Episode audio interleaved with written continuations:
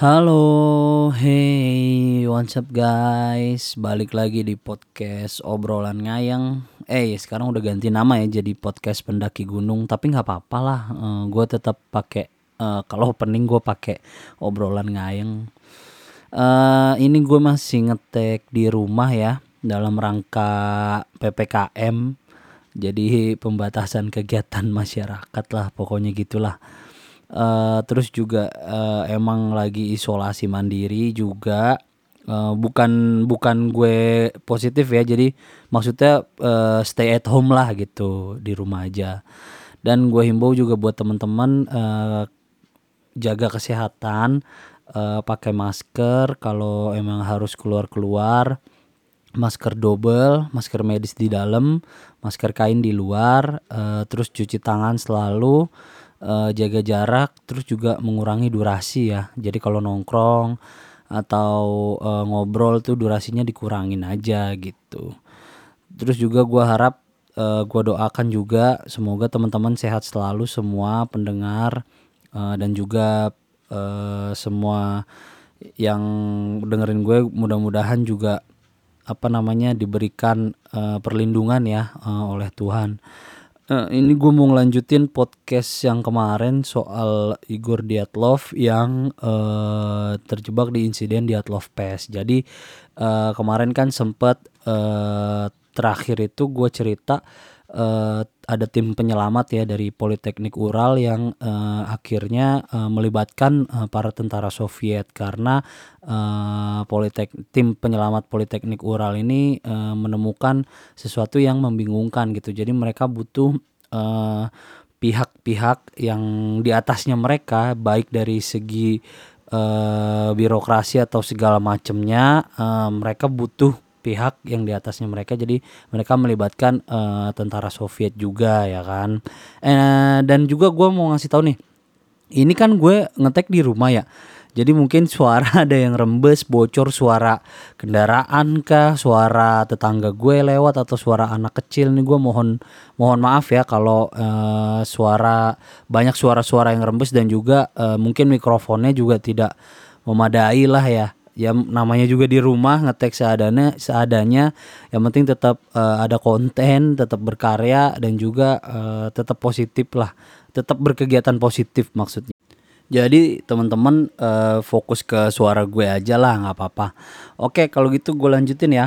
Jadi uh, mereka itu menemukan uh, pada tanggal 26 Februari tahun 1959 tim penyelamat dari Institut Institut Politeknik Ural ini menemukan tendanya tenda kelompok Diatlov.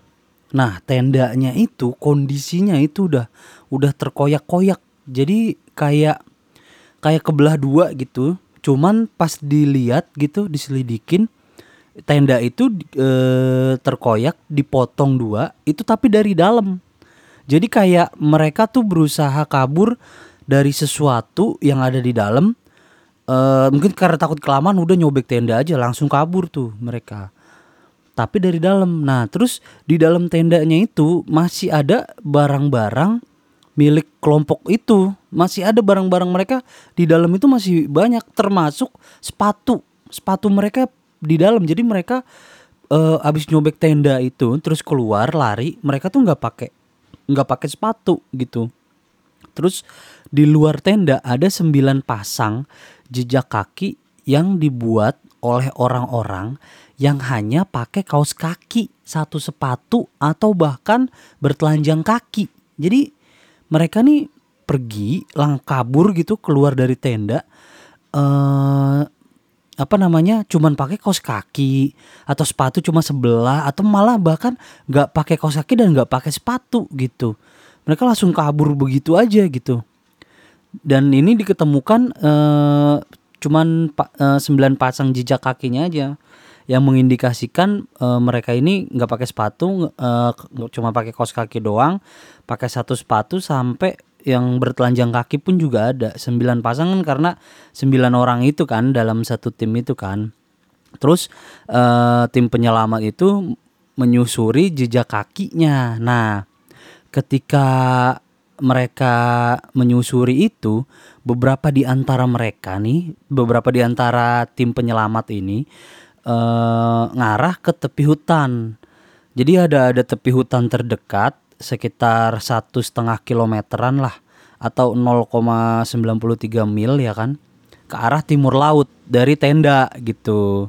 Nah dari tenda ini eh, di tepi ke jalan ke tepi hutan itu sekitar jaraknya satu setengah kilo lah satu setengah kilometer. Terus di tepi hutan itu di bawah pohon pinus besar jadi ada ada pohon pinus gede gitu di tepi hutan itu. Nah terus eh, tim penyelamat tuh eh, menemukan sisa-sisa api. Sisa-sisa ada orang bekas eh, bakar bakar-bakaran gitu. Sisa bakar-bakaran gitu. Eh, sisa-sisanya tapi kecil ya. Eh, terus sama tubuhnya tubuh orang. Nih nih yang pertama kali diketemukan ini ya. Eh, ada dua orang Krivonisenko sama Dorosenko terus dua-duanya ini nggak pakai sepatu dan hanya mengenakan pakaian dalam. Dan dan nih satu lagi nih yang agak aneh.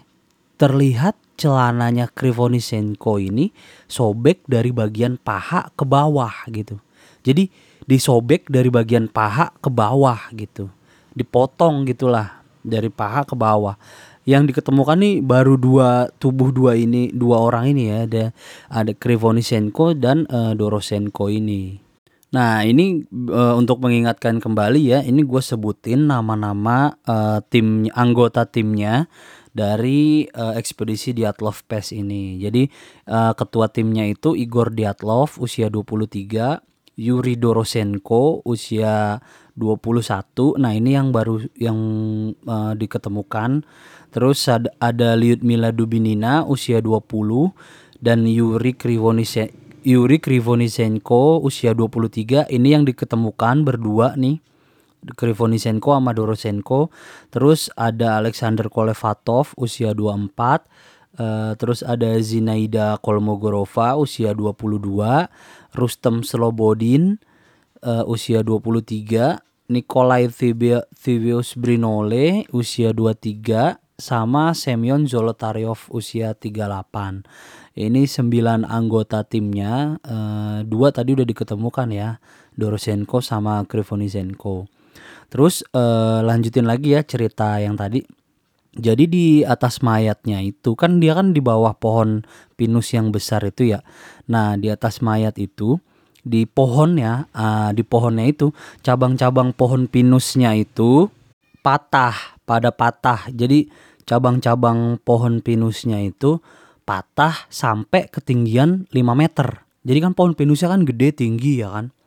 Nah itu cabang-cabang pohonnya tuh patah sampai ketinggian 5 meter menunjuk itu ini menunjukkan eh, bahwa seenggaknya salah satu dari mereka nih dari Dorosenko sama Krivonisenko itu mungkin memanjat untuk melihat sesuatu gitu. Jadi mereka mantau gitu dari tempat yang tinggi melihat melihat apa gitu. Kalau yang diasumsikan nama tim pencari tim penyelamat ini mereka ngelihat ke arah kemahnya gitu. Terus di antara pohon pinus dan kem, tim penyelamat menemukan tiga mayat lagi. Yang pertama itu eh, ketua timnya ya, Igor Dyatlov. Eh, yang kedua, eh sorry, ini urutannya berarti dia yang diketemukan ketiga ya. Yang diketemukan ketiga itu Igor Dyatlov, ketua timnya. Yang diketemukan keempat itu Zinaida Kolmogorova. Zinaida nih eh, lovernya si Igor sama Rostem Rostem Slo- Slobodin. Ini mereka bertiga ditemukan eh, terbaring beberapa ratus meter eh, satu sama lain. Jadi eh, Dyatlov, Zinaida, eh sorry, Dyatlov, Slobodin, terus terakhir Zinaida. Yang paling lengkap pakaiannya ini si Zinaida. Jadi dia eh, pakai sepatu, celana, eh, pakai mantel, eh, paling lengkap lah gitu.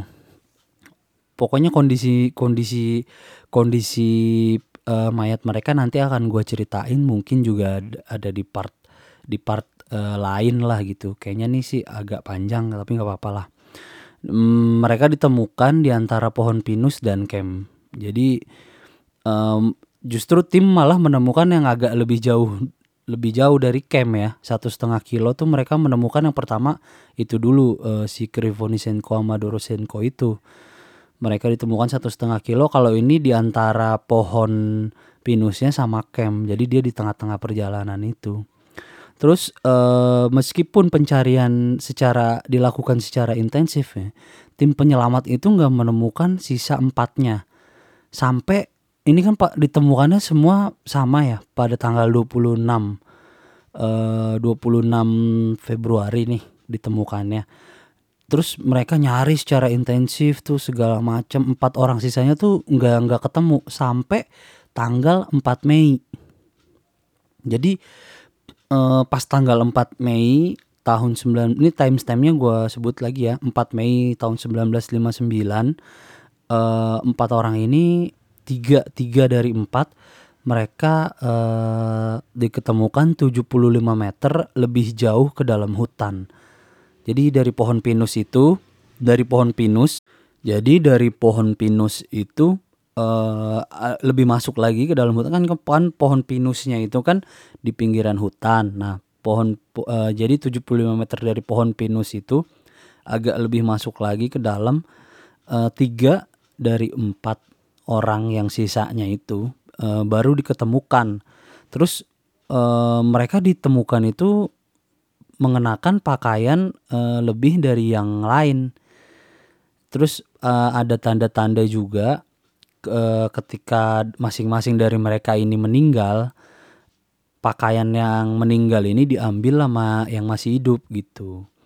Kayak kakinya Dubinina uh, itu ditemukan uh, terbungkus celana wallnya Krivonisenko. Kan tadi kri, cel, uh, si Krivonisenko kan ditemukan celananya kan sobek dari bagian paha ke bawah tuh. Nah ini uh, di Dubinina tuh uh, kakinya dibungkus pakai celana wall itu. Terus Zolotaryov tuh uh, ditemukan mengenakan mantel dan topinya si Dubinina ini gitu. Nah ini ada ada ini rangkuman ini masih rangkuman ya. Jadi rangkuman uh, kejadian Dyatlov Pass ini uh, ini part 2-nya. Nanti gua akan jelasin semua-semuanya kenapa begini, kenapa begitu. Mungkin banyak pertanyaan juga atau kalau nggak cukup waktunya nanti gua kasih aja uh, situs tempat gua riset uh, materinya ini.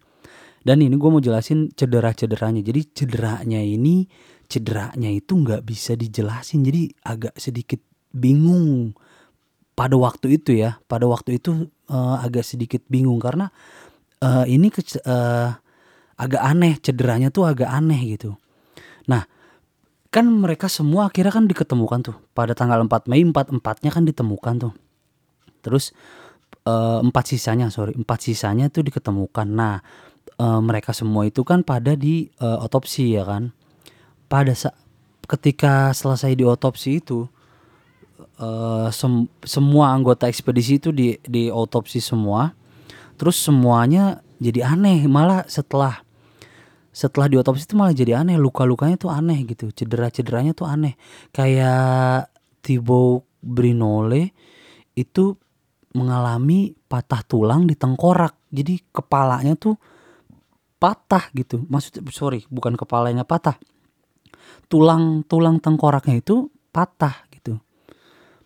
Kayak kepala tuh kayak remuk lah gitu. Terus uh, Lyudmila Dubinina sama Zolotaryov nih.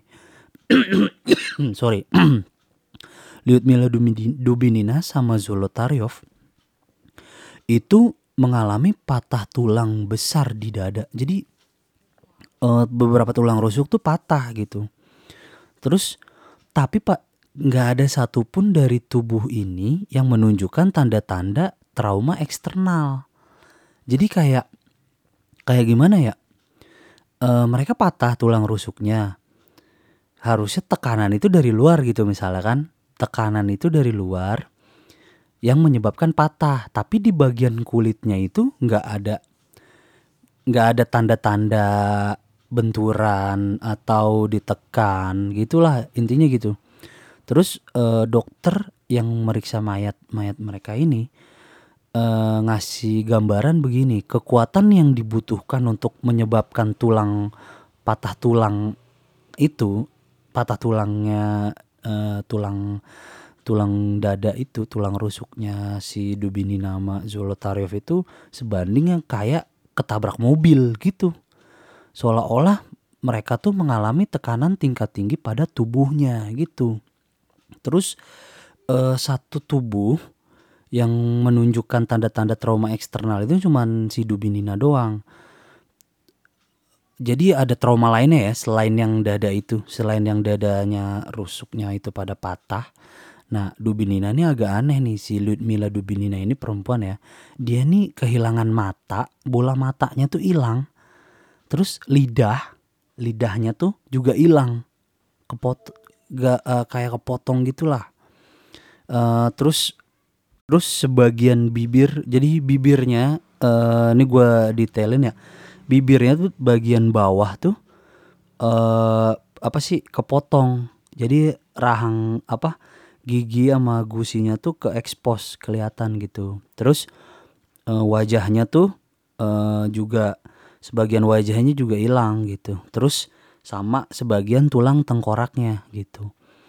Terus uh, tangan tangannya tuh kulit tangannya tuh kayak basah gitu jadi kalau di fotonya tuh pas diketemukan dia kayak di kayak posisinya tuh kayak berlutut gitu. Terus uh, jadi kayak ada air terjun kecil gitu. Kayak air terjun kecil, uh, dia tingginya sedada nah dia berlutut gitu di di itunya, di mana? Di depan air terjunnya gitu. Kayak berlutut tiduran di depan air terjunnya gitu. Nah terus kulit tangannya tuh kayak basah kayak dimaserasi gitu. Jadi kayak agak basah gitu.